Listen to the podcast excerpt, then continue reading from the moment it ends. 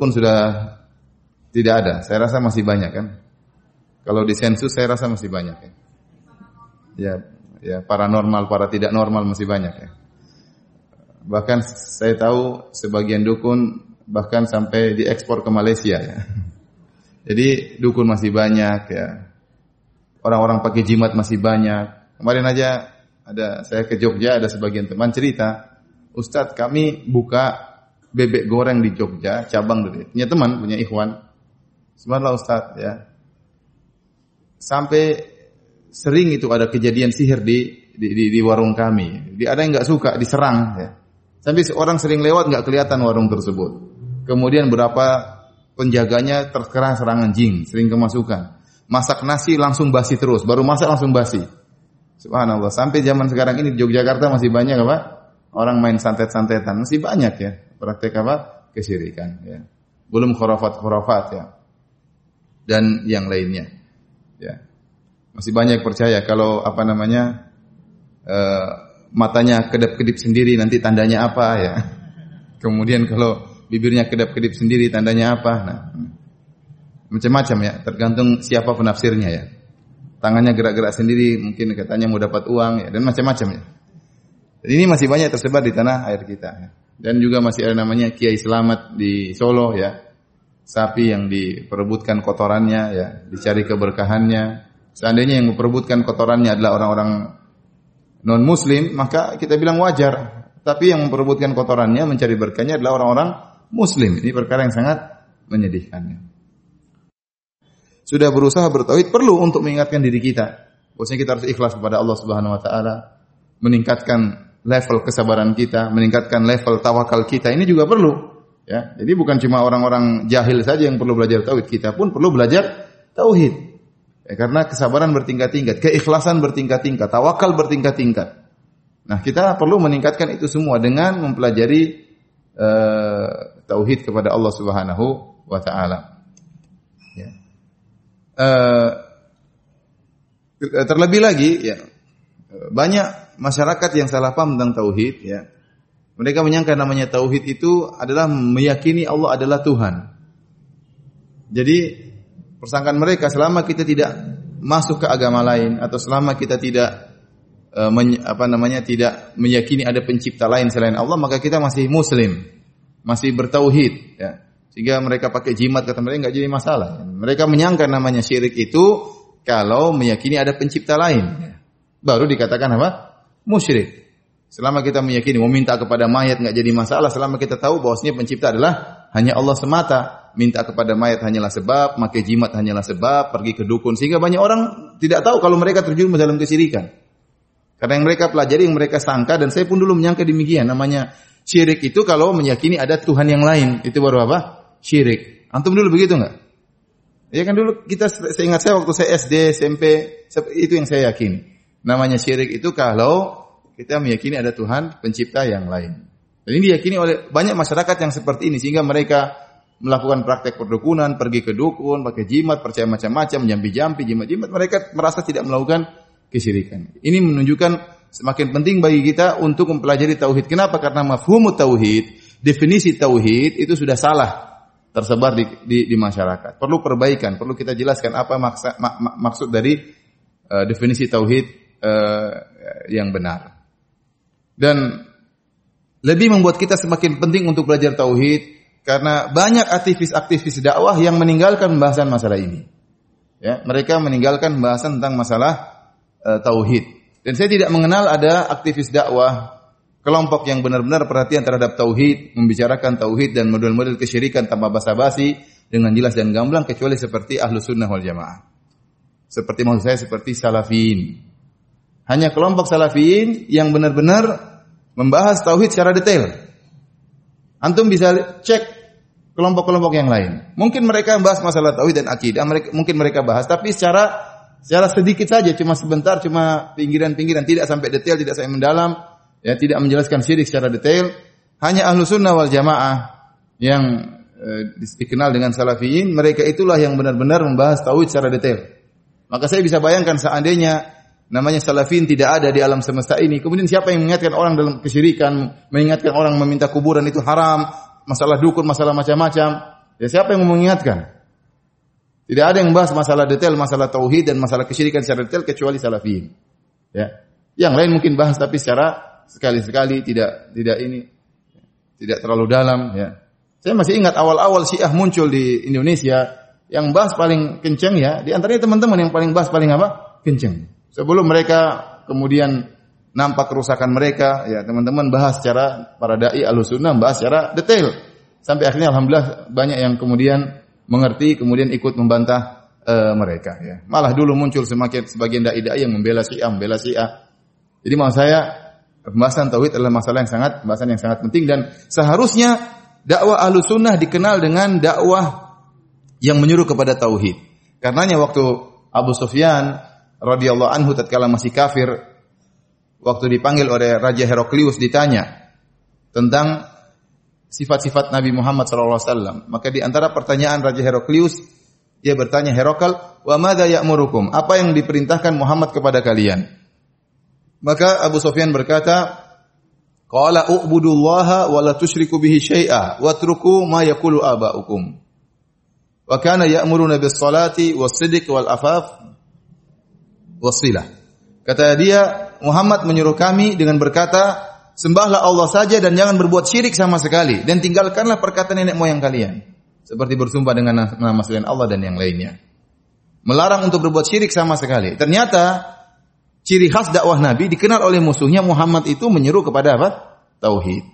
Maka seharusnya dakwah kita terkenal khasnya dengan menyeru kepada tauhid. Tentunya dengan yang lain pula dengan masalah tauhid, masalah dengan masalah akhlak, masalah adab, kita juga menyeru akan hal tersebut. Tetapi yang paling utama, seharusnya dakwah kita dikenal dakwah yang menyeru kepada mentauhidkan Allah Subhanahu wa taala, mengesahkan Allah Subhanahu wa taala karena itulah tujuan seluruh nabi diutus. Kata Allah Subhanahu wa taala, ya, wala qad ba'atna fi kulli ummatin rasulan an i'budullaha wajtanibut taghut.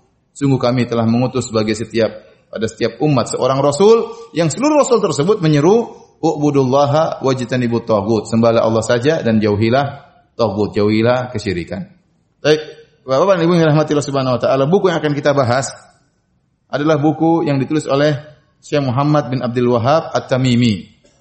Syekh Muhammad bin Abdul Wahab At-Tamimi. Yang orang-orang mengatakan dialah yang disebut dengan apa? Wahabi, ya. Wahabi. Jadi kita sekarang sedang membahas buku tulisannya Gembong Wahabi ya. Alhamdulillah sekarang ini Raja Wahabi sudah datang kan? Alhamdulillah. Ya. Saya bilang banyak ustaz satu Wahabi diusir, Raja Wahabi datang mereka sambut. Alhamdulillah ya. Mudah-mudahan bawa apa? Berkah ya. ya. Uh, Syekh Muhammad bin Wahab rahimahullahu taala beliau dilahirkan di Uyainah sekitar tahun 115 Hijriah yaitu sekitar 100 1703 Masehi ya 1700 jadi tahun 1700-an wafat pada di Dir'iyah tahun, tahun 1206 Hijriah yaitu tepatnya 1792 Masehi. Jadi umur beliau sekitar 90 tahun, 89 tahun usia beliau ya. Jadi lahir sekitar tahun 1700-an, 700-an awal 1700 dan wafat di akhir tahun 1700 menjelang 1800. Uh, eh, buku ini ya memiliki banyak keistimewaan ya. Uh, dan buku ini saya katakan kenapa istimewa. Pertama ditulis oleh seorang ulama yang alim ya.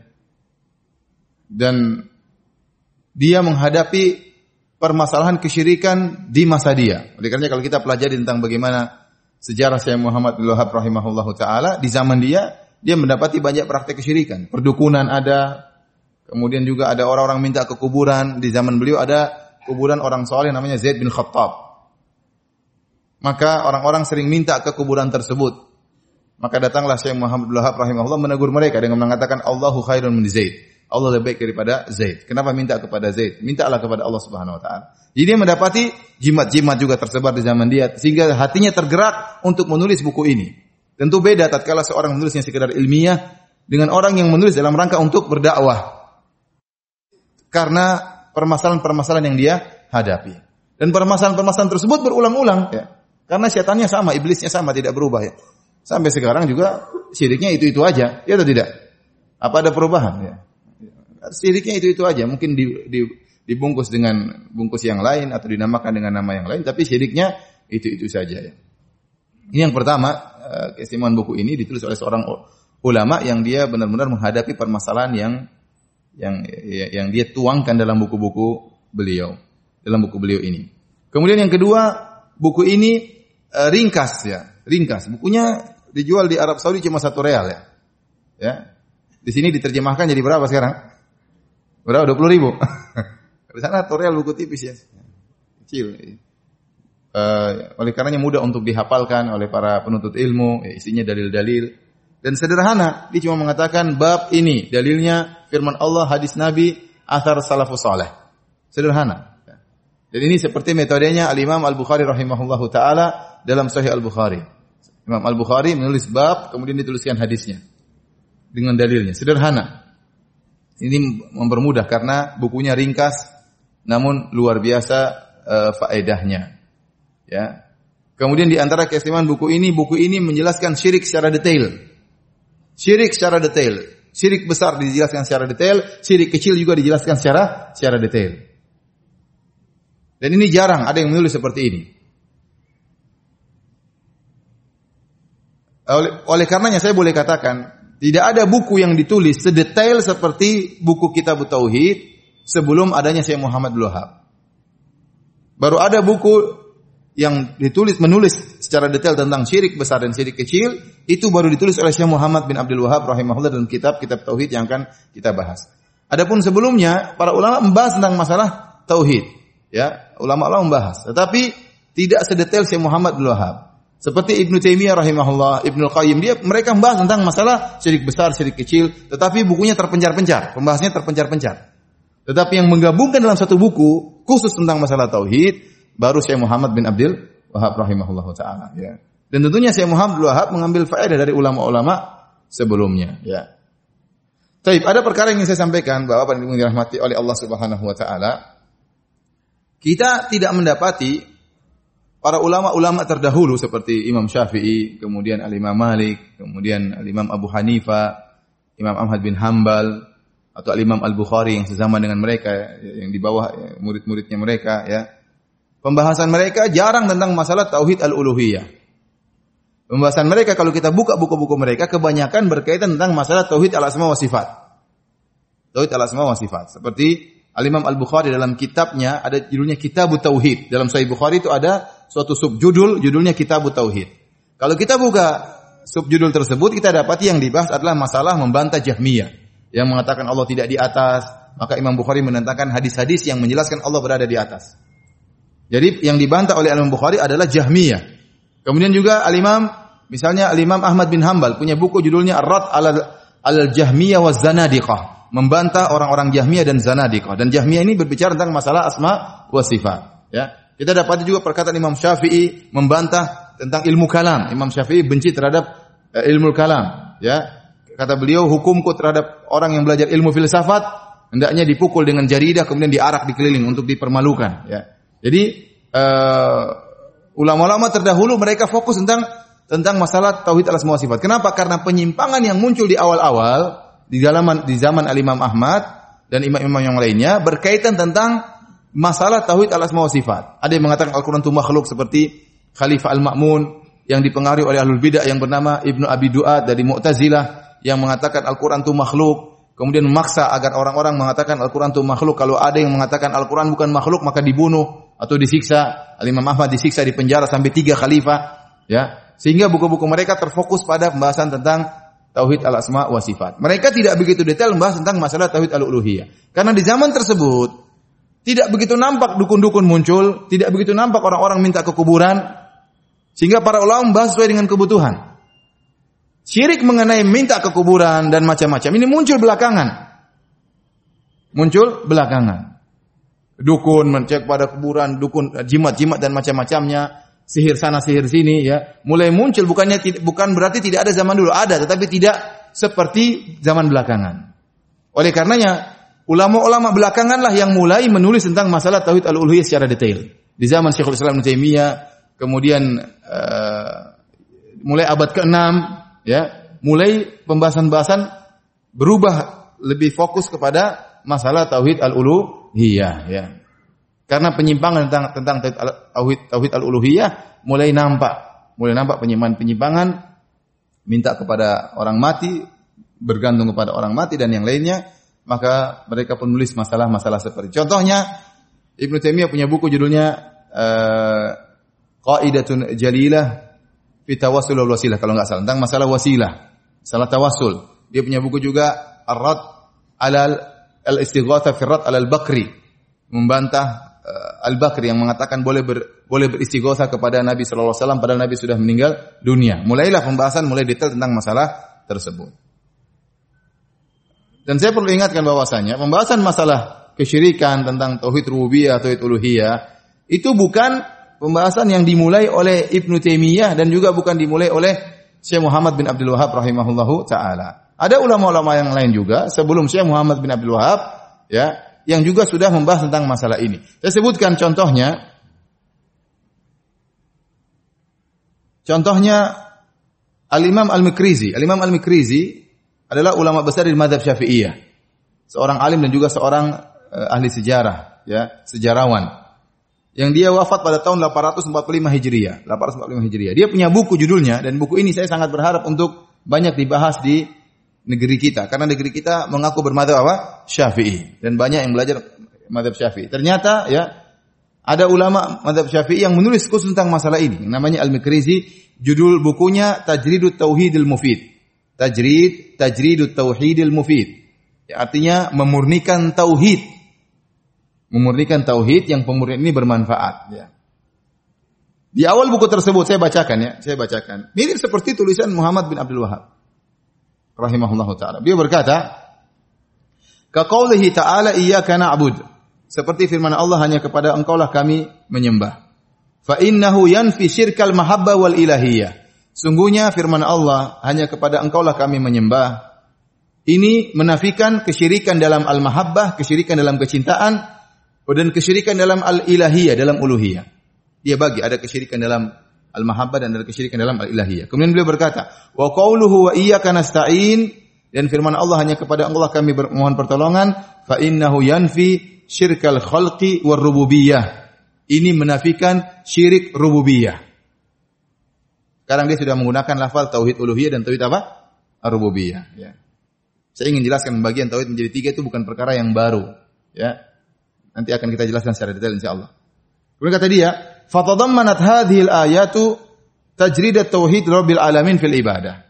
Maka ayat ini mengandung pemurnian tauhid kepada Allah dalam masalah peribadatan. Wa annahu la yajuzu isyraku ghairihi ma'ahu dan tidak boleh mensekutukan Allah dengan selain Allah Subhanahu wa taala. La fil af'al wala fil alfaz wala fil iradat. Tidak boleh syirik dalam perbuatan, dalam perkataan maupun dalam kehendak.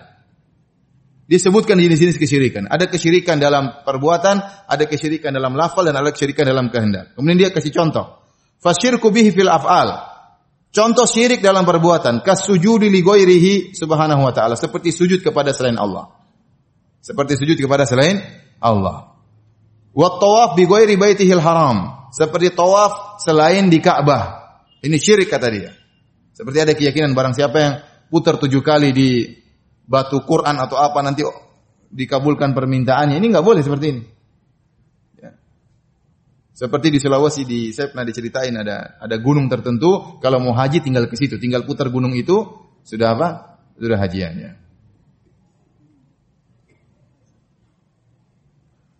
Kemudian wal hakir ra'si ubudiyatan khudu'an li ghairihi. Bahkan dia mengatakan di antara contoh syirik perbuatan adalah mencukur gundul rambut, rambut dibotokin dalam rangka untuk tunduk kepada orang lain. Seperti karena dia hormat kepada kepada syekhnya, kepada uh, apa namanya walinya sehingga kemudian dia mencukur rambut, mencukur rambut dalam rangka beribadah kepada wali tersebut. Contohnya waktu watakbilil ahjari ghairil hajaril aswad mencium batu selain hajar aswad. Ya. Ibadah cuma mencium hajar aswad. Satu-satunya batu yang dicium ibadah cuma hajar aswad. Ya. Yang lain enggak ya. yang lain enggak. Kalau ada orang kemudian apa namanya mengambil batu akik dicium-cium karena ibadah ini syirik boleh.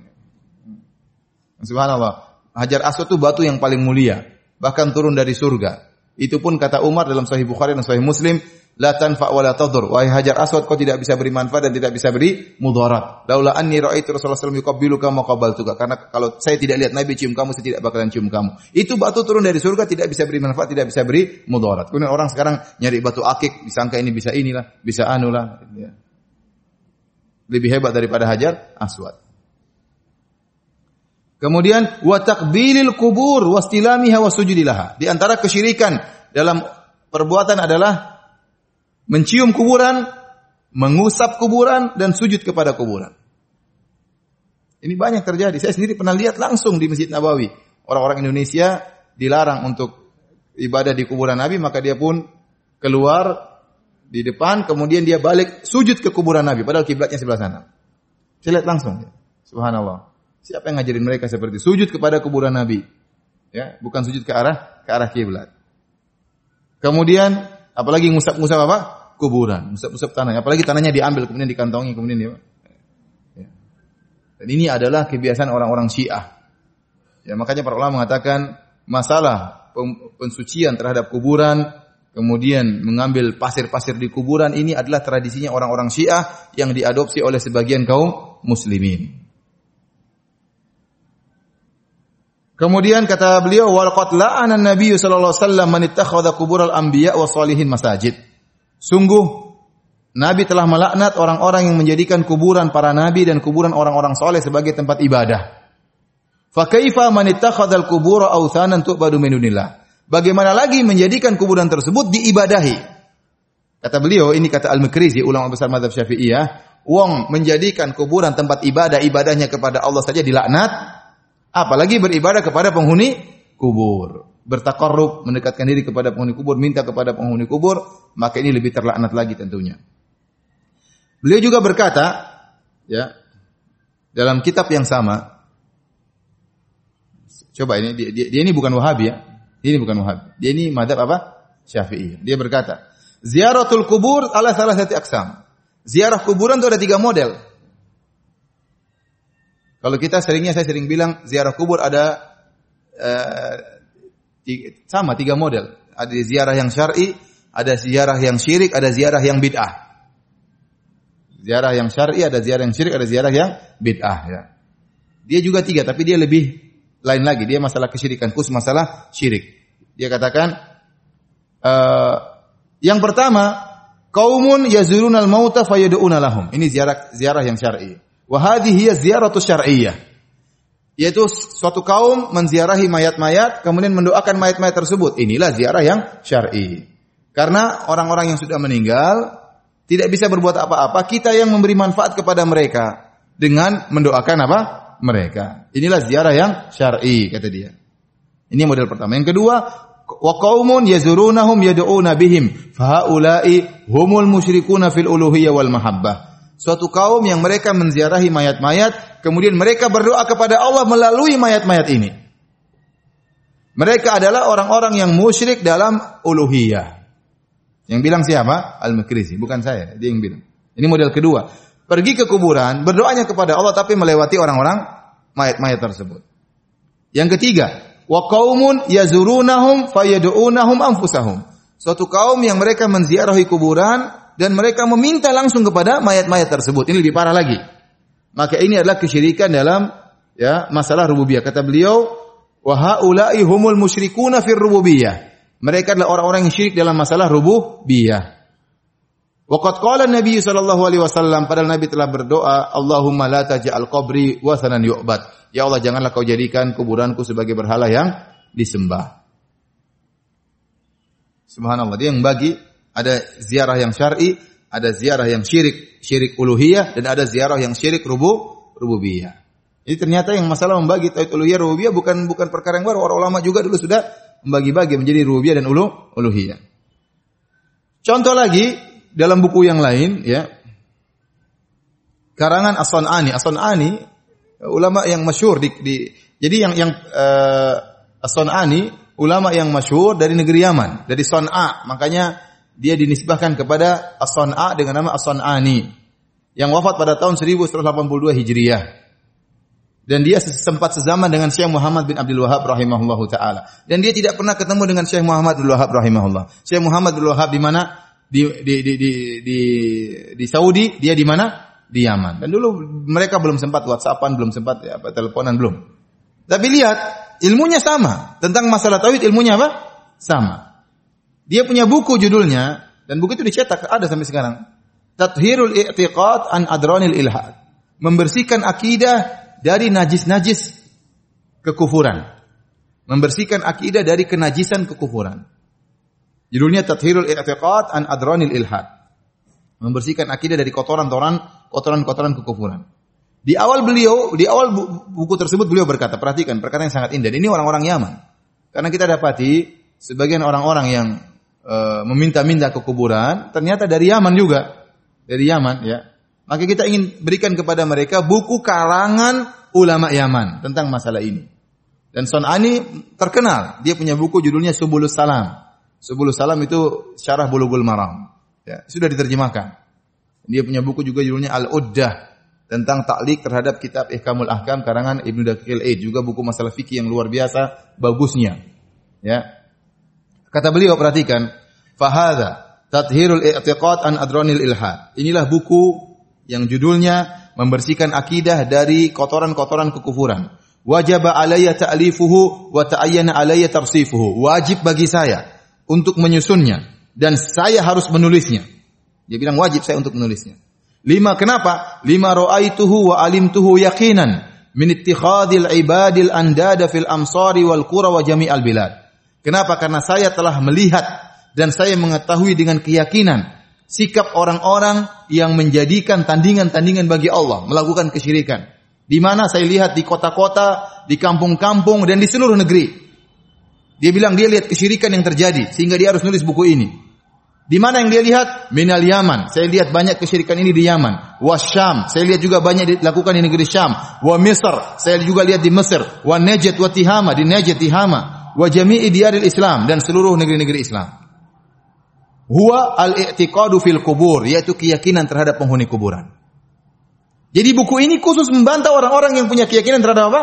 Penghuni kubur. Dan dia lihat kesyirikan tersebut merajalela di mana-mana seluruh negeri semua negeri kaum muslimin. Dia mengatakan di kota-kota, negeri-negeri, di kampung-kampung seluruh negeri. Dia sebutkan di Yaman, di Syam, di Saudi, ya.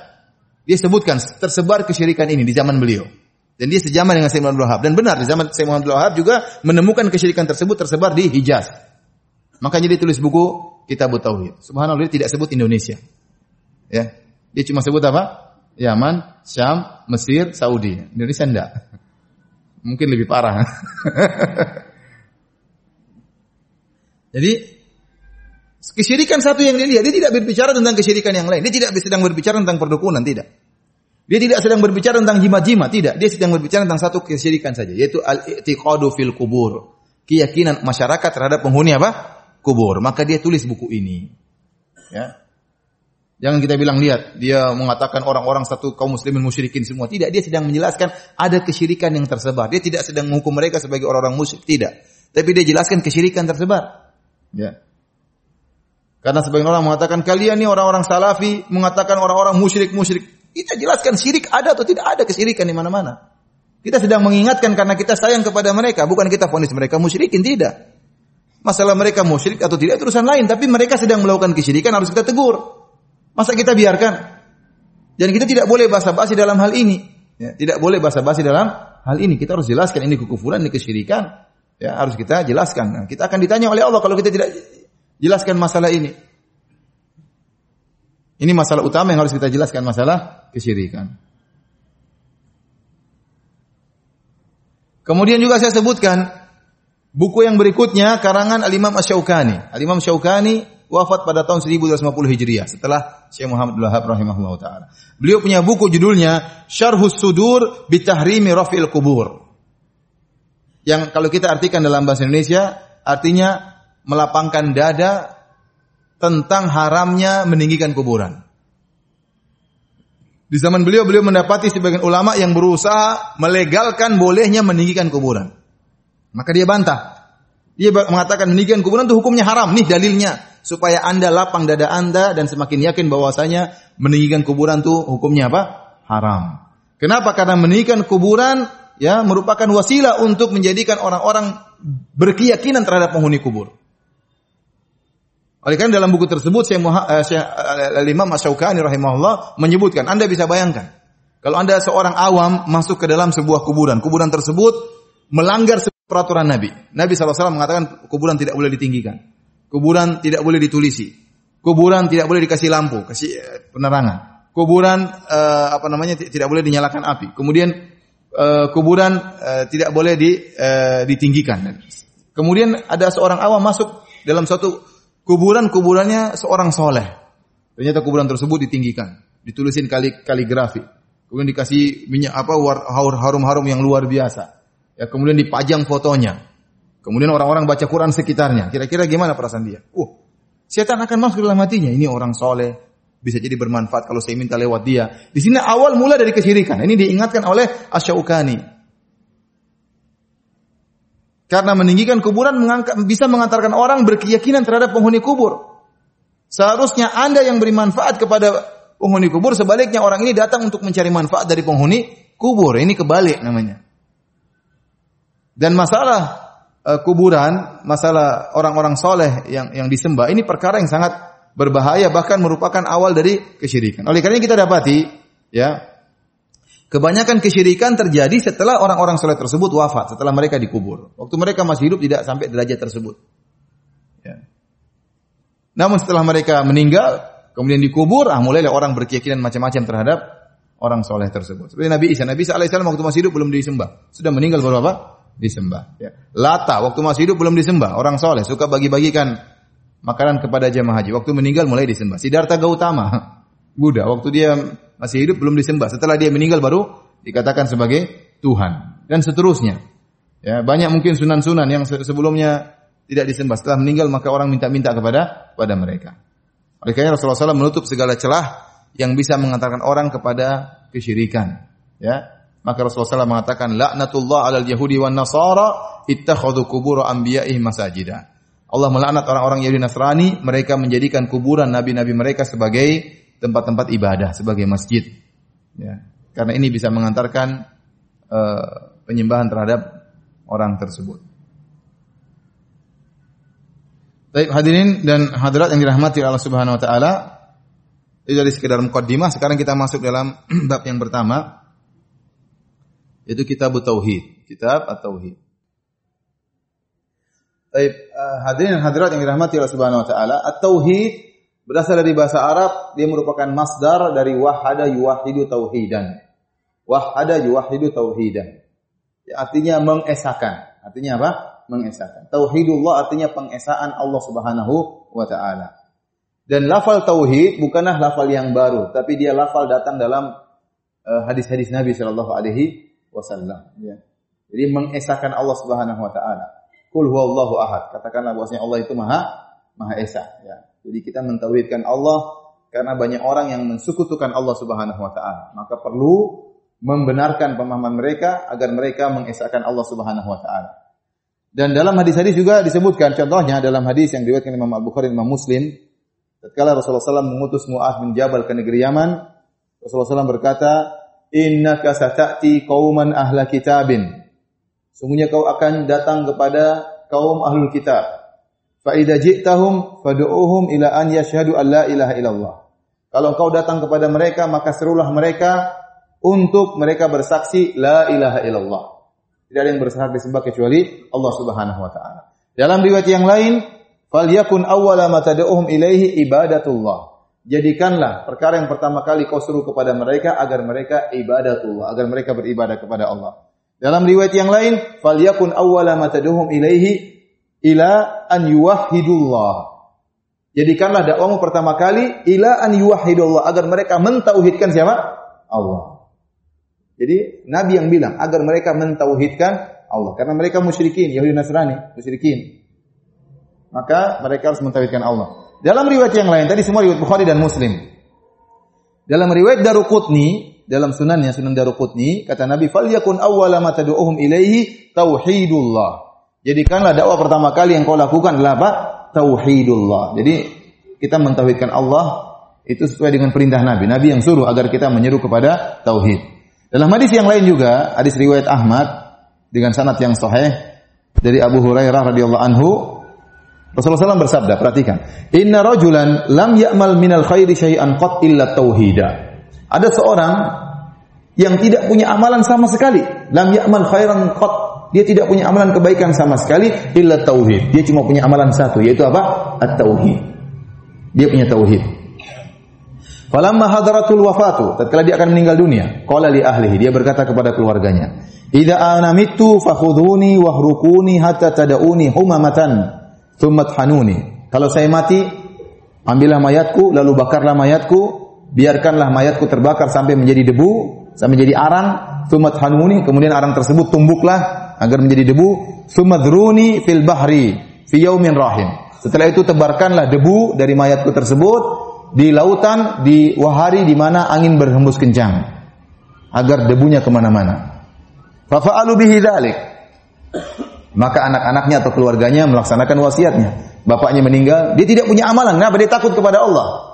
Dia takut kalau dibangkitkan, maka dia cari cara supaya dia tidak, dia tidak bisa dibangkitkan. Caranya gimana? Dibakar jadi debu, ditebarkan di lautan, ditebarkan di angin supaya tidak bisa bangkit kembali. Ya, bihi dzalik, maka mereka melakukannya. Kemudian tatkala hari kiamat Allah bangkitkan dia, ya. Maka Allah bertanya, "Ma hamalaka ala ma sona'ta?" Apa yang membuatmu melakukan demikian? Kata dia, "Makhafatuka." Saya takut kepada Engkau ya Allah. Kata Nabi, "Faghfarallahu lahu." Allah ampuni dia. Ya. Allah ampuni dia. Kenapa? Dia punya satu amalan. Itu apa? Tauhid. Jadi Nabi sudah melafalkan apa? Tauhid. Jadi tauhid ini bukan bukan lafal buatan kita, tapi memang benar-benar datang dalam syariat. Dalam hadis-hadis Rasulullah SAW mengatakan ada amal tauhid Suruhlah mereka untuk bertauhid. Contohnya lagi dalam hadis yang lain, hadis riwayat Ahmad juga, ya kata Nabi SAW atau perawi berkata, Innal Asa bin Wa'il nadhara fil jahiliyah an yanhara mi'ata badanatin. Jadi Al As bin Wa'il bapaknya Amr bin As. Ada sahabat namanya Abdullah bin Amr bin Al As bin Wa'il As-Sahmi. Abdullah bin Amr bin Al-As sahabat. Bapaknya Amr bin Al-As juga apa?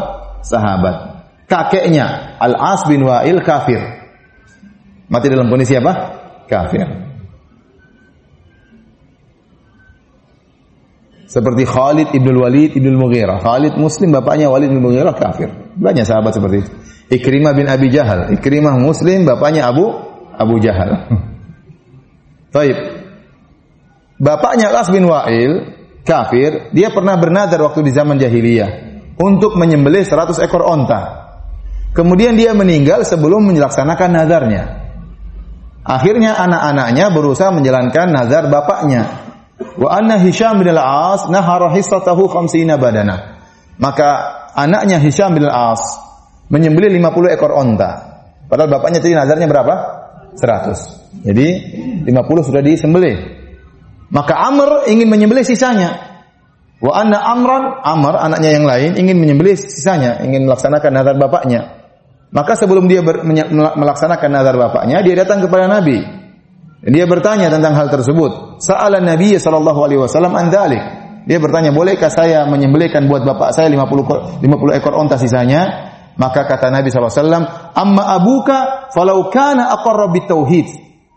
Seandainya bapakmu dahulu mengakui tauhid, nafa'ahu dzalik akan bermanfaat, tapi dia tidak bertauhid dulu. Jadi bapaknya meninggal dalam kondisi apa? Musyrik. Maksud saya Nabi menggunakan lafal tauhid. Amma abuka falau kana aqarra tauhid. Seandainya bapakmu dulu Al-As bin Wa'il punya tauhid akan bermanfaat kau nyembelihin buat dia, tapi tidak ada faedahnya karena dia meninggal dalam kondisi tidak bertauhid. Demikian juga Rasulullah SAW waktu haji wada, hajatul wada, Rasulullah SAW berihlal dengan mengatakan labbaik Allahumma labbaik labbaik la syarika laka labbaik dan seterusnya. Ya Allah aku penuhi panggilanmu ya Allah ya Allah tidak ada syarikat tidak ada syirik bagimu. Maka Jabir bin Abdullah dalam Sahih Muslim mensifati ihlalnya Nabi, talbiyahnya Nabi dia mengatakan fa ahalla tauhid. Nabi berihlal dengan kalimat tauhid. Yaitu labbaik Allahumma labbaik labbaik la syarika laka labbaik. Jadi mau saya kalimat tauhid itu adalah kalimat yang ma'ruf dalam hadis-hadis Nabi, dikenal juga oleh para sahabat dan juga dikenal oleh para ulama. Oleh karenanya para ulama menulis buku-buku mereka banyak judulnya Kitab Tauhid.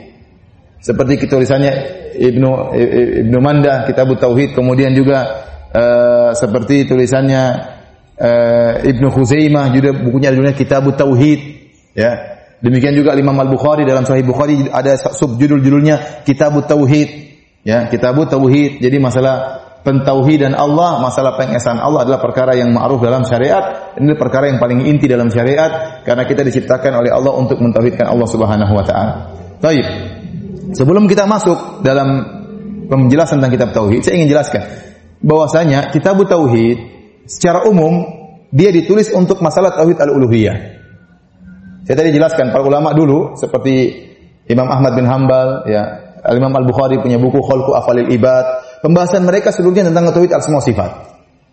Tentang tauhid al-asma sifat. Imam Syafi'i mencela ilmu kalam, tentang ilmu filsafat. Pembahasan mereka semuanya tentang masalah tauhid al-asma wa sifat. Karena di awal-awal terjadi eh, kerusakan atau penyimpangan dalam masalah tauhid al-asma wa sifat. Sehingga mereka menulis buku tentang masalah tauhid al-asma wa sifat. Nah, kitab tauhid tentang masalah tauhid al-uluhiyah. Tentang masalah tauhid al-uluhiyah. Dari sini kita tahu para ulama membagi tauhid menjadi tiga. Tauhid ar-rububiyah, tauhid al-uluhiyah dan tauhid al-asma wa sifat. Tauhid al-asma wa sifat. Dan banyak orang-orang tidak suka pembagian ini. Ya. Mereka mengatakan kenapa itu orang-orang salafi membagi tauhid menjadi tiga, rububiyah, uluhiyah, asma wa sifat ya. Kita katakan bagian ini hanya sekedar untuk memudahkan memahami tidak harus bagi tiga, bagi dua juga boleh, bagi empat juga boleh, bagi sepuluh juga boleh, terserah. Yang penting pemahamannya benar. Pemahamannya apa? Benar. Ya. Sampai ada buku tulisannya, buku itu Ahlul Bidah, ya, judulnya apa namanya? Bahwasanya pembagian pembagian tauhid menjadi tiga sama seperti trinitasnya Nasrani. Subhanallah. Apakah gara-gara nomor tiga, angka tiga kemudian dikatakan seperti trinitas? Padahal nggak nyambung.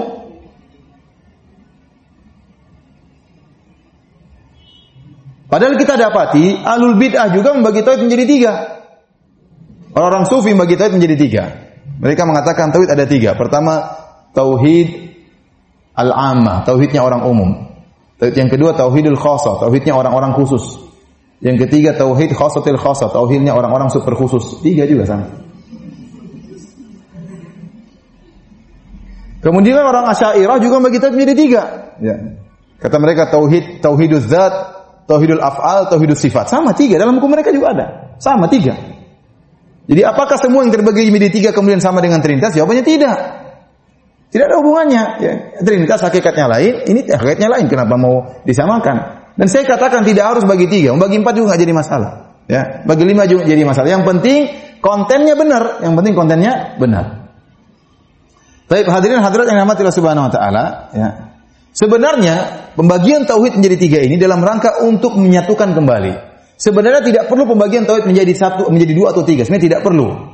Kenapa terjadi pembagian? Karena ada kesalahpahaman tentang pemahaman tauhid. Orang salah paham tentang tauhid maka perlu dibagi dalam rangka untuk diperbaiki. Perlu dibagi dalam rangka untuk diperbaiki. Saya contohkan ya. Allah berfirman dalam surat Yusuf ayat 106. Kata Allah, "Wa ma yu'minu aktsaruhum billahi illa hum musyrikun."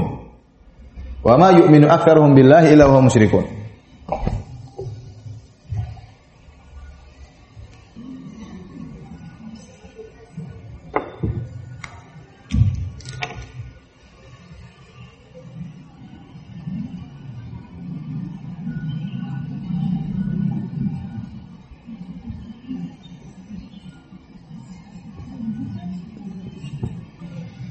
Kata Allah wa ma yu'minu aktsaruhum billahi illa wahum musyrikun. Ini surat berapa? Yusuf surat 12 ayat berapa? Ayat 106. Artinya dan tidaklah kebanyakan mereka beriman wa ma yu'minu. Tidaklah kebanyakan mereka beriman kepada Allah kecuali mereka berbuat syirik. Dalam ayat ini Allah menggabungkan antara iman dengan syirik. Ada iman, ada syirik. Nah, kok bisa digabungkan ada iman dan syirik? Iman ini maksudnya tauhid. Ini al-iman sama dengan apa? Tauhid. Ini adalah kesyirikan. Nah, bagaimana digabungkan antara tauhid dengan apa? Kesyirikan. Maka silakan buka buku tafsir tentang ayat ini, seluruh buku tafsir, tafsir Jarir, tafsir Katsir, tafsir Al-Baghawi, seluruhnya akan dijelaskan iman mereka kepada Allah maksudnya apa?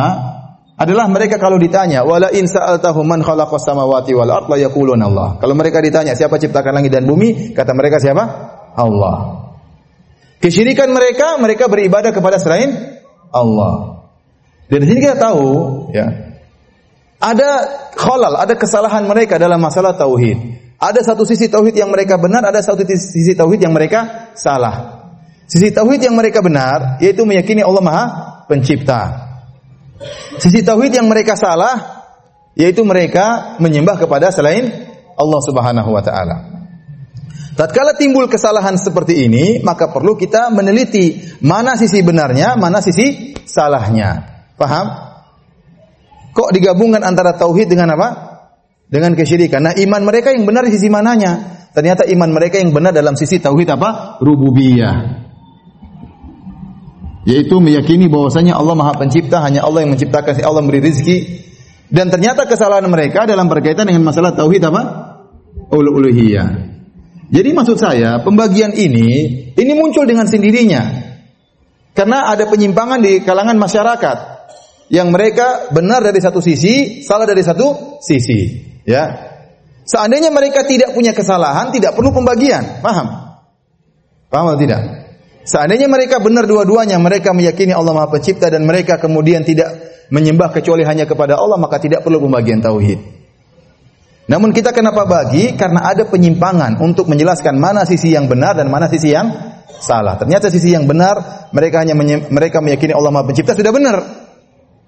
Yang salah mereka berdoa juga kepada selain Allah. Nah, ini yang disalahkan. Salahnya ini namanya tauhid ulu uluhiyah. Kemudian kenapa kita perlu lagi masalah tauhid sama sifat? Karena banyak penyimpangan dalam tauhid sama sifat. Orang-orang meyakini Allah tidak punya sifat, orang-orang mengatakan Al-Quran itu makhluk, maka perlu dibahas untuk dalam rangka untuk pembenaran. Jadi pembagian ini bukan tujuan utama, ini hanya sekedar sarana untuk belajar. Bisa dipahami? Antum tidak bagi, gue nggak jadi masalah, nggak jadi masalah, nggak usah dibagi. Yang penting ente bilang kamu nggak boleh nyembah kepada selain Allah, nggak boleh berdoa kepada selain Allah, nggak boleh minta kepada penghuni kubur. Berarti tauhidmu nggak beres. Kok tauhid saya tidak beres? Ya itu tidak beres. Saya kan meyakini Allah pencipta. Yang itu beres, yang ini nggak beres. Paham? Apa saya juga musyrik? Iya kau musyrik. Oh, dalam kau meyakini Allah Maha Pencipta, kau tidak musyrik. Dalam hal ini kau musyrik. Ya ini namanya uluhiyah itu namanya rububiyah. Kalau dia nggak mau pakai nama-nama nggak jadi masalah. Ini saya ingatkan cuma hanya sekedar apa? Sarana. Bisa dipahami? Bisa atau tidak? Benar Bapak-bapak? Benar ya? Paham? Baik. Kalau sudah saya hapus. Sudah ya?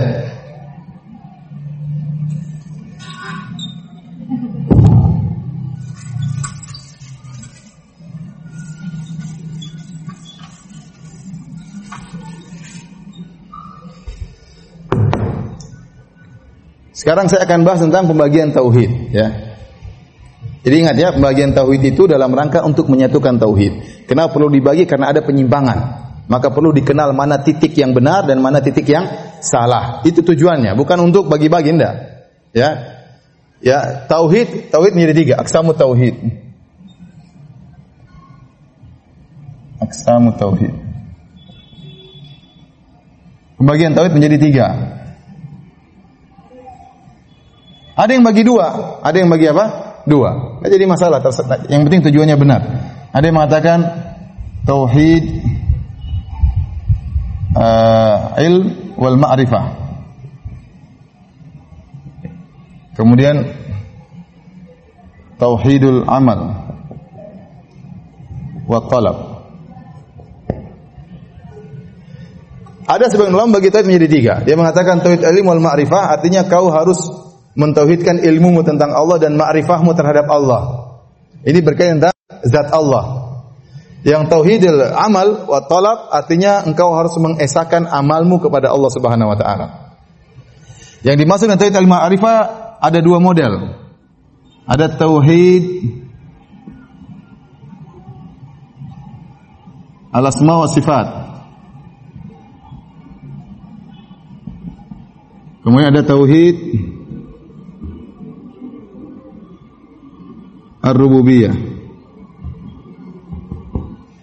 Kalau yang ini dikenal juga dengan tauhid al-uluhiyah.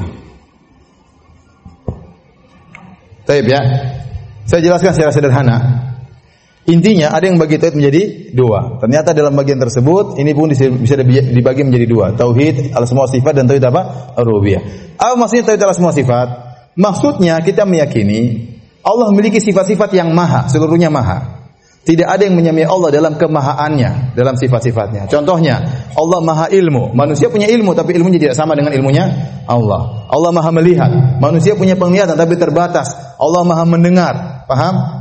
Semua sifat-sifat Allah maha. Allah punya wajah. Wajah Allah sangat indah. Bahkan dia adalah nikmat yang terindah di surga kelak. Melihat wajah Allah. Lilladzina ahsanul husna wa ziyada. Kata Allah bagi orang-orang yang berbuat kebaikan. Dapat surga dan ada tambahan. Tambahan tersebut adalah kelezatan melihat wajah Allah. Seluruh sifat Allah adalah maha. Barang siapa yang meyakini ada yang menyamai sifat-sifat Allah maka dia musyrik. Paham? Itu namanya nama-nama dan sifat-sifat Allah Subhanahu wa taala memiliki kemahaan. Tidak ada yang menyamainya. Itu namanya tauhid al-asma wa sifat. Secara sederhana ini, secara sederhana. Makanya dikatakan kenapa orang percaya dukun itu orang musyrik karena kita menyamakan dukun sama dengan Allah. Hanya yang tahu ilmu gaib hanya Allah, kemudian kita bilang dukun juga tahu. Berarti musyrik. Berarti kemahaan ilmu Allah disekutui oleh ilmunya dukun. Allah mengatakan hanya Allah yang tahu ilmu gaib, qul la ya'lamu man fil ardi Man fis sama'i wal ardil ghaiba illa Allah. Tidak ada yang mengatakan tidak ada yang mengetahui yang gaib di langit dan di bumi kecuali Allah. Ya, kemudian ada yang mengatakan dukun tahu. Maka percaya kepada dukun merupakan apa? Kesyirikan karena menyamakan Allah dengan siapa? Dengan dukun. Sama seperti seorang misalnya dia akan tenggelam di laut Madura. Kemudian dia berdoa, ya dia berteriak, "Ya Abdul Qadir Jailani, agithni wahai Abdul Qadir Jailani, tolonglah aku." Ini mengandung banyak kesyirikan dalam dirinya. Di antaranya dia meyakini Abdul Qadir Jailani yang sudah meninggal yang mungkin dikubur di Irak atau di di Jazirah Arab ya, maha mengetahui dan maha mendengar. Buktinya waktu dia sedang celaka di Laut Madura. Laut Madura ada atau tidak? Ada ya? Selat Madura bukan Laut Madura. Contohnya dia akan celaka di Selat Madura, ternyata ini mayat Abdul Qadir Jailani rahimahullah ulama besar Maha mendengar, buktinya mendengar. Kalau dia tidak meyakini Maha mendengar, kenapa dia teriak, "Wahai Abdul Qadir, tolong saya." Berarti Abdul Qadir Jailani Maha mendengar kapan saja siap men mendengar dan Maha mengetahui kapan saja tahu kondisinya sedang berada di dalam kondisi celaka. Berarti dia menyamakan Allah dalam kemahaannya. Paham? Dan itu syirik. Karena yang Maha mengetahui, Maha mendengar cuma siapa? Allah Subhanahu wa taala. Paham? Baik. Tauhid rububiyah berkaitan dengan tiga perkara. Ada namanya al-khalqu al-khalqu wal mulku wat tadbir. Artinya penciptaan al-mulku pemilikan kemudian ini pengaturan Apa yang dimaksud tauhid rububiyah? Kita meyakini hanya Allah yang Maha Esa dalam penciptaan. Tidak ada yang tidak ada yang ikut campur, tidak ada yang ikut nimbrung, ikut cipta. Yang menciptakan cuma siapa? Allah. Karena Allah dalam hadis kata Rasulullah SAW, karena Allah walam yakun syai'un ghairuhu. Dulu Allah sendirian, tidak ada yang bersama Allah. Kemudian Allah menciptakan makhluk. Dulu Allah sendirian di zaman azali tidak ada bersama Allah. Kemudian Allah ciptakan makhluk. Ya, barang siapa yang meyakini ada pencipta selain Allah, maka dia musyrik, tidak bertauhid rububiyah. Paham? Sebenarnya meyakini bahwasanya Tuhan itu ada dua, Tuhan kebaikan, Tuhan ke kejahatan. Ya. Ini tidak benar. Ada Tuhan terang, Tuhan gelap ya. Tidak benar ya. Ini syirik. Kemudian karena hanya Allah yang menciptakan, maka kita meyakini Allah juga yang memiliki. Semua di alam semesta ini milik Allah, tidak ada yang ikut serta dalam pemilikan. Kalaupun ada pemilikan hanya semu, ya. Oh, dia mungkin akan meninggal dunia sebelum hartanya tersebut ya. Seperti kita memiliki barang-barang, tapi kita semua kita meninggal barang kita akan diwariskan kepada orang orang lain. Pemilik semuanya hanyalah Allah Subhanahu wa taala. Makanya Allah mengatakan walladzina tad'una min dunihi la ya ma yamlikuna min qitmir. Dan orang-orang yang mereka sembah selain Allah tidak memiliki kitmir. Kitmir itu apa? Yaitu lapisan yang ada di uh, biji. Kalau kita makan korma, kita ambil bijinya, bijinya tersebut adalah lapisan se se seperti selaput ari tipis itu namanya kitmir. Kata Allah itu mereka tidak ini punya saya, kata Allah. Mereka tidak punya ini. Ya, karena yang ciptakan siapa? Allah. Siapa yang ciptakan? Siapa yang bisa ciptakan korma, biji korma? Siapa yang ciptakan? Allah yang ciptakan korma, Allah yang ciptakan bijinya korma, yang ciptakan selaput arinya juga Allah Subhanahu wa taala. Maka semuanya hanya milik Allah Subhanahu wa taala ya. Labbaik Allahumma labbaik, labbaik la syarika laka labbaik innal hamda wa ni'mata laka wal mulk. Ya Allah tidak ada syarikat bagimu, sungguhnya pujian hanya untukmu. Ya, kemudian nikmat hanyalah darimu dan kerajaan hanyalah milik milikmu. Kalimat tauhid waktu kita bertalbiyah. Paham? Kemudian yang ketiga pengaturan. Pengaturan yudabbirul amr, Allah mengatur segala urusan. Allah mengatur dengan caranya. Allah ciptakan malaikat untuk ikut mengatur, tapi semua dengan izin Allah Subhanahu wa taala. Maka barang siapa yang meyakini ada yang berhak mengatur bersama Allah maka dia musyrik. Seperti meyakini bahwasanya pantai selatan di diatur oleh Nyi Roro Kidul. Ini enggak benar ya. Sudah dikasih hak otonomi ya. Padahal surat-surat mandatnya belum turun. Gitu. Mengatakan Kidul mengatur apa? Ini syirik. Mengat, mengayakini ada jin khusus mengatur gunung tertentu. Syirik juga enggak boleh. Paham? Ini namanya tauhid rubu rububiyah. Dan ini semuanya berkaitan dengan zat Allah. Tauhid al semua sifat berkaitan dengan meyakini tentang kemahaan sifat-sifat Allah, kemahaan nama-nama Allah. Nama-nama Allah itu sangat indah. Walillahil asmaul husna. Allah memiliki nama-nama yang indah. Kenapa? Karena di balik nama tersebut mengandung sifat yang maha indah. Kalau kita katakan Allah Al-Alim, Allah Maha berilmu, memang dia memiliki ilmu yang sangat luar biasa. Ya, kalau manusia ada orang namanya alim tapi dia bahlul kadang-kadang ya. Iya. Ada namanya Abdullah hamba Allah tapi kadang-kadang mencuri ya. Misalnya gitu. Jadi manusia tidak jelas. Tapi kalau Allah namanya sangat indah karena mengandung sifat-sifat yang maha tinggi. Kemudian tauhid rububiyah juga berkaitan tentang sifat-sifat Allah. Ini dikenal dengan tauhid af'alillah. Tauhid apa? Af'a af'alillah. Mentauhidkan perbuatan-perbuatan Allah. Jadi hanya di antara perbuatan Allah mencipta, memiliki, mengatur, paham? Menghidupkan dan tadbir ini banyak. Pengaturan seperti apa? Mematikan al-ihya al-imata contohnya ar-razq ini namanya pengaturan. Menghidupkan mematikan memberi rizki dan selain-lainnya. Ini semua yang melakukan hanyalah siapa? Allah Subhanahu wa taala. Ini semua dikatakan dengan tauhid af'alillah, mengesahkan perbuatan-perbuatan Allah hanya Allah sendiri yang melakukannya, tidak ada yang lainnya. Paham? Yang terakhir tauhid al-uluhiyah. Dikenal juga tauhid tauhid af'alil ibad. Kalau ini perbuatan-perbuatan Allah, kalau ini perbuatan-perbuatan apa? Hamba. Di antara perbuatan-perbuatan hamba seperti apa? As-sujud, ad-du'a, az-zabah, sujud, doa, salat, misalnya tawakal dan seluruhnya ar-roja, al-khauf. Ini masjid baunya enak ya? Memang kan? Dari tadi sejak saya datang baunya enak ya. Parfumnya spesial ya. Bukan antum juga cium kan? Sama ya, masya Allah. Saya baru tahu ada masjid parfumnya seperti ini. Ini berkaitan dengan tauhid uluhiyah berkaitan dengan perbuatan-perbuatan hamba. Perbuatan hamba di antaranya amal ibadah seperti sujud, doa, menyembelih, salat, tawakal, berharap, takut. Ini semuanya hanya untuk Allah Subhanahu wa taala. Yang namanya tauhid uluhiyah, tauhid uluhiyah, topik pembahasannya pada perbuatan hamba. Paham? Tauhid al-asma wa sifat, tauhid al-ilmi wal ma'rifah, artinya tauhid tentang ilmu terhadap Allah, ma'rifah terhadap Allah. Maka pembahasannya berkaitan dengan zat Allah. Tauhid al-asma wa sifat topiknya tentang zat Allah, bahwasanya zat Allah itu maha seluruhnya. Sifat-sifatnya maha. Tauhid rububiyah berkaitan dengan perbuatan Allah. Perbuatannya juga dia maha esa, tidak ada yang menyertainya. Ini topiknya tentang zat Allah. Adapun tauhid al-uluhiyah topiknya tentang perbuatan hamba bahwasanya sujud, doa, dzabah, salat dan seluruhnya hanya untuk Allah Subhanahu wa taala. Paham atau tidak? Bapak-bapak? Ibu-ibu? Nanti saya tes satu orang suruh maju, terangkan ulang. Kalau nggak bisa, saya nggak bisa lanjut. Ulang lagi nanti besok pengajian sama. Hah? Bahas sendiri nggak apa? Saya ingin tes nanti bapak-bapak, bapak-bapak, ibu-ibunya nggak enak. Bapak-bapak aja nanti. Bapak-bapak siap perhatikan baik-baik ya. Nanti saya akan tunjuk satu orang maju terangkan seperti ini. Ya, siap ya?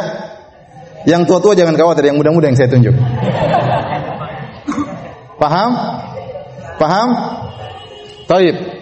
Sekarang ada sebagian orang yang bagi tauhid jenis yang keempat. Namanya tauhid al-hakimiyah. Ada yang keempat kata mereka. Yang keempat ini kan satu, kemudian apa? Dua, kemudian apa? Tiga. Yang sering kita kenal tauhid termasuk sifat, tauhid rububiyah, kemudian tauhid apa? Al-uluhiyah. Ada yang membagi tauhid ar-rububiyah yang nomor empat. Empat tauhid eh, tauhid al-hakimiyah. Al-hakimiyah.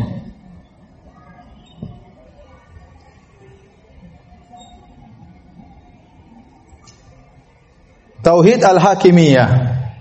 Maksudnya apa? Hukum hanyalah milik Allah Subhanahu wa taala. Hukum hanyalah milik Allah Subhanahu wa taala. Ini orang tersimpang dalam nanti kita kalau kita bahas. Ini nanti pada bab ke-6 kita bahas khusus tentang masalah masalah ini. Sekarang masih mukaddimah ya. Nanti bab ke-6. Insya Allah kita akan bahas masalah ini. Maksudnya apa? La hukma illa lillah. Tidak ada hukum kecuali milik Allah Subhanahu wa taala. Secara kontennya kontennya benar. Hukum itu hanya milik siapa? Allah Subhanahu wa taala. Tetapi kenapa harus dibuat uh, bagian keempat secara khusus? Kenapa sebenarnya tidak perlu? Karena tauhid al-hakimiyah dia bisa masuk dalam tauhid rububiyah dan dia juga bisa masuk dalam tauhid apa? Al-uluhiyah. Kenapa saya katakan bisa dia masuk dalam tauhid rububiyah? Kita bilang karena kita meyakini yang mengatur hanya siapa? Allah dan yang berhak untuk mengeluarkan hukum hanya siapa? Allah. Maka tauhid al-hukumiyah sebenarnya termasuk dari dari tauhid apa? Rububiyah. Atau kita bisa masukkan dalam tauhid al-uluhiyah. Kenapa? Karena seorang tidak boleh berhukum dari sisi perbuatan hamba, seorang berhukum harus dengan hukum siapa? Allah. Maka dia masuk dalam tauhid apa? Uluhiyah. Paham Bapak? Saya bilang tadi tauhid al-hukumiyah ini bisa masuk ke rububiyah, bisa masuk ke al-uluhiyah. Kita katakan tadi tauhid rububiyah topiknya adalah tentang perbuatan Allah. Di antara perbuatan Allah yang berhak mengeluarkan hukum cuma siapa? Allah. Maka kalau kita kalau begitu kita katakan tauhid al-kimia, tidak ada hukum kecuali hukum Allah bisa masuk dalam tauhid rububiyah. Tapi kalau kita tinjau dari perbuatan hamba, jadi tauhid al-uluhiyah, karena saya katakan tadi tauhid al-uluhiyah topiknya perbuatan siapa?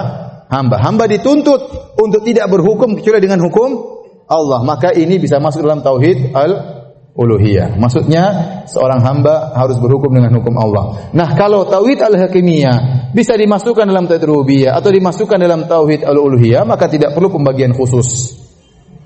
Paham? Nah, kenapa kita permasalahkan pembagian khusus ini? Karena ternyata orang-orang yang membagi tauhid secara khusus menjadi tauhid yang nomor empat ini ada tujuannya dan bahaya. Yaitu dalam rangka mengkafirkan pemerintah. Ini bahaya. Dalam rangka mengkafirkan pemerintah.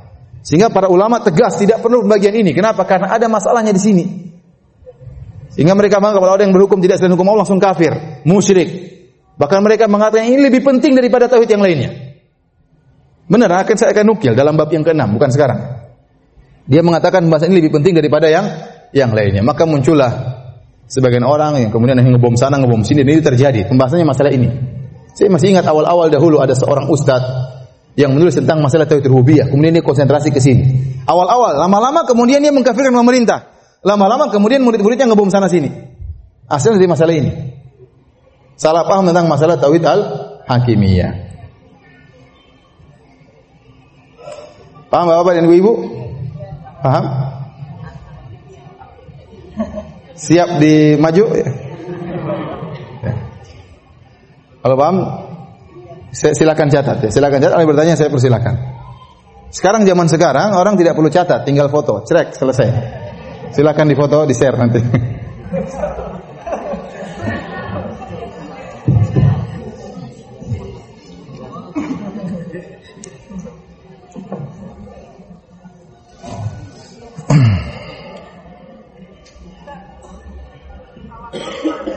Apa? Kenapa? Tawakal bertawakal menyerahkan segala urusan kepadamu. Ada roja, ada khauf. Tawakal, roja, khauf. Baik, ibu dan bapak yang rahmati Allah Subhanahu wa taala. Kalau ada orang yang mengatakan, "Ustaz, kenapa Anda bagi tauhid menjadi tiga?" Nabi tidak pernah bagi tauhid menjadi tiga. Kita bilang tidak usah dibagi juga tidak apa-apa. Ini cuma sekedar untuk apa? Metode. Sama Nabi SAW tidak pernah bagi hukum fikih menjadi lima. Ada haram, ada makruh, ada mubah, ada sunnah, ada wajib. Ini nggak pernah Nabi bilang demikian. Tapi para ulama meneliti sehingga mereka bisa membagi. Oh maksudnya begini. Untuk memudahkan saja. Untuk memudahkan. Sama dalam bahasa Arab juga Nabi tidak pernah mengatakan bahasa Arab terjadi menjadi tiga. Ada ada huruf, ada isim kata benda, ada fiil kata kerja. Enggak ada. Ini sekedar untuk mudah memahami. Ya. Bagian ini sekedar metode. Tetapi kita sangat yakin. Apakah kita ragu? Apakah kita ragu kalau Nabi mengamalkan tiga tauhid ini? Ragu atau tidak? Tidak perlu ragu. Nabi benar-benar mengamalkan tiga tauhid ini. Apakah Nabi berkeyakinan ada pencipta lain selain Allah? Jawabannya tidak. Apakah berarti tauhid rububiyah? Apakah Nabi meyakini ada pengatur lain selain Allah? Jawabannya tidak. Berarti Nabi bertauhid apa? Rububiyah. Saya tidak mau namakan tauhid. Terserah tidak usah namakan, tapi kita menamakannya tauhid apa? Rububiyah. Saya nggak mau dinamakan tersebut. Ya sudah nggak usah namakan, nggak jadi masalah. Yang penting begitu maksudnya. Paham?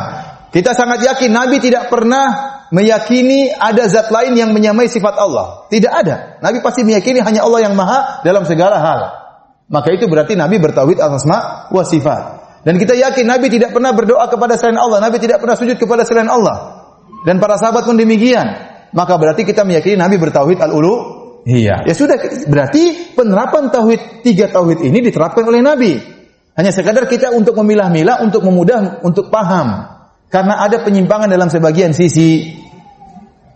Paham tidak? Ya. Saya rasa sampai di sini saja kajian kita pada kesempatan hari ini ya. Mohon maaf kalau kurang dan lebihnya yang benar datang dari Allah Subhanahu wa taala yang saya sendiri semoga Allah mengampuni kita semua.